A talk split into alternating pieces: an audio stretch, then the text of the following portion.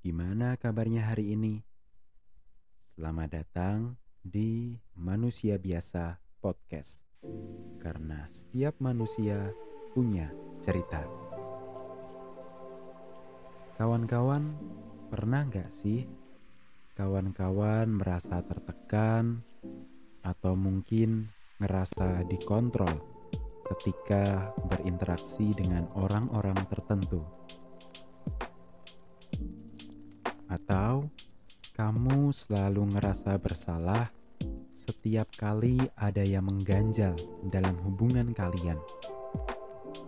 Kalau iya, bisa jadi pasangan kamu telah melakukan manipulasi terhadap emosi kamu. Menurut Shari Steins, terapis yang fokus mempelajari abuse and toxic relationship mengatakan bahwa manipulasi merupakan strategi psikologis yang gak sehat oleh seseorang yang gak mampu menyuarakan keinginan atau kebutuhannya secara langsung. Mereka yang melakukan manipulasi emosi terhadap orang lain dengan cara mengontrol perasaan atau tindakan orang sekitarnya sehingga akan menguntungkan dirinya sendiri. Manipulasi dapat memberikan dampak negatif bagi korbannya, seperti terus-terusan mempertanyakan diri sendiri, menjadi pasif karena takut melakukan kesalahan, menyalahkan diri sendiri, penuh dengan kebencian, dan masih banyak yang lainnya. Orang yang manipulatif kebanyakan memiliki kemampuan berbohong yang luar biasa.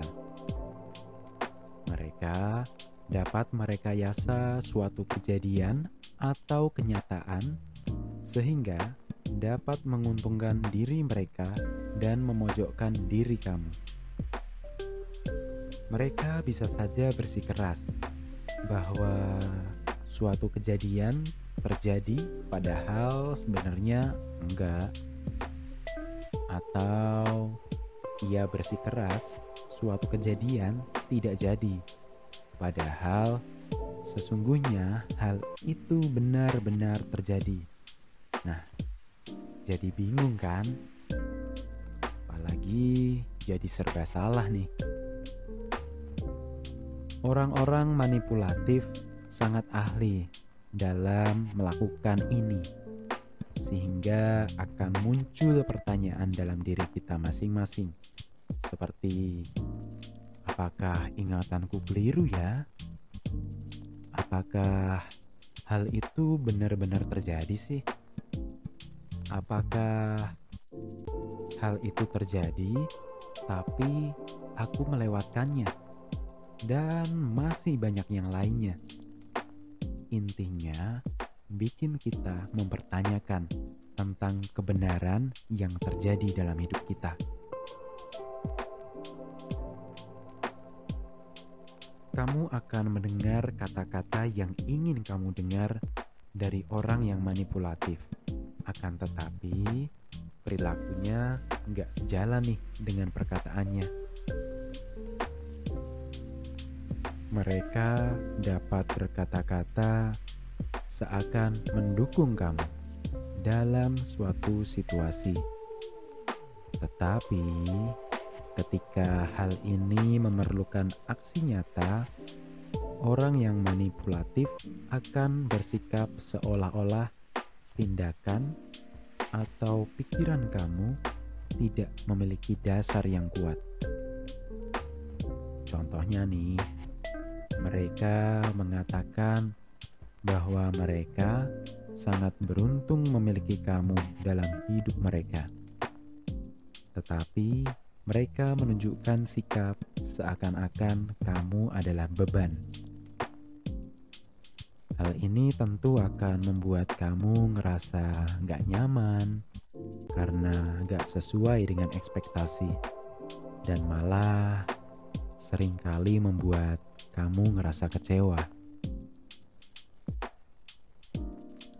Mereka yang pandai memanipulasi orang akan selalu menempatkan diri mereka sebagai korban dari berbagai konflik dalam suatu hubungan. Sedangkan kamu akan merasa seolah-olah menjadi pihak pelaku yang bersalah.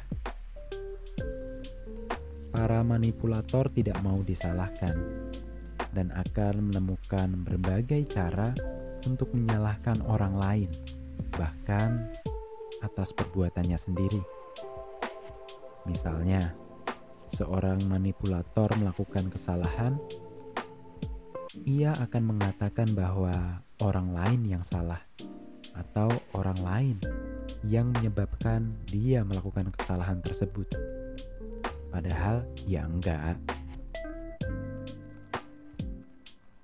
Apa pun yang dirasakan oleh seorang manipulator, ia akan memaksa, memaksa secara halus orang-orang sekitarnya untuk ikut merasakan hal yang sama dengannya.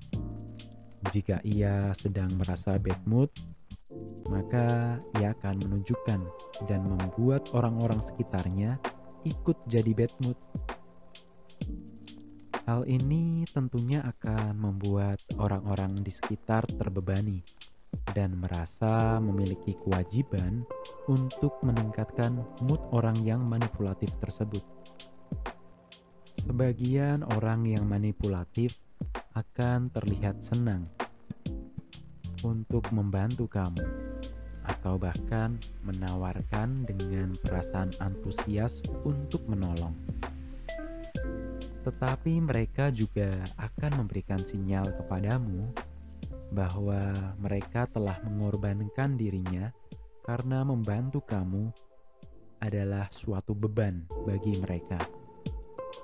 Hal ini bisa terlihat dari helaan nafas atau tindakan-tindakan tertentu yang menunjukkan dirinya terbebani, seperti mengutarakan betapa sibuknya dia, tapi dia tetap akan membantu kamu.